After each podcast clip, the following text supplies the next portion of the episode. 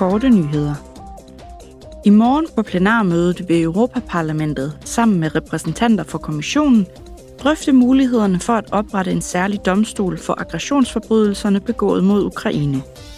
Allerede i maj sidste år opfordrede parlamentsmedlemmerne EU til at træffe alle nødvendige foranstaltninger i internationale retssager og domstole for at støtte retsforfølgelsen af det russiske og det belarusiske regime for krigsforbrydelser, forbrydelser mod menneskeheden, folkedrab og aggression.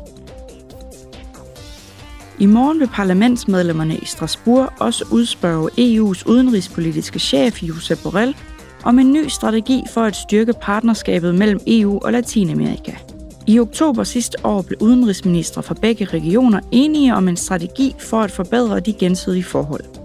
Modernisering af de eksisterende handels- og associeringsaftaler og samarbejde om den grønne omstilling er blandt målene for partnerskabet.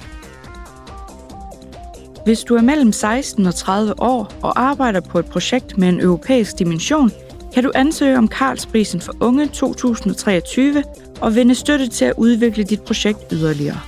Projektet skal opfylde følgende kriterier for at kunne komme i betragtning. Det skal kunne fremme europæisk og international forståelse, fremme udviklingen af en fælles følelse af europæisk identitet og integration, fungere som en rollemodel for unge, der bor i Europa, og give praktiske eksempler på europæere, der lever sammen i et fællesskab. Ansøgningsfristen er den 2. februar.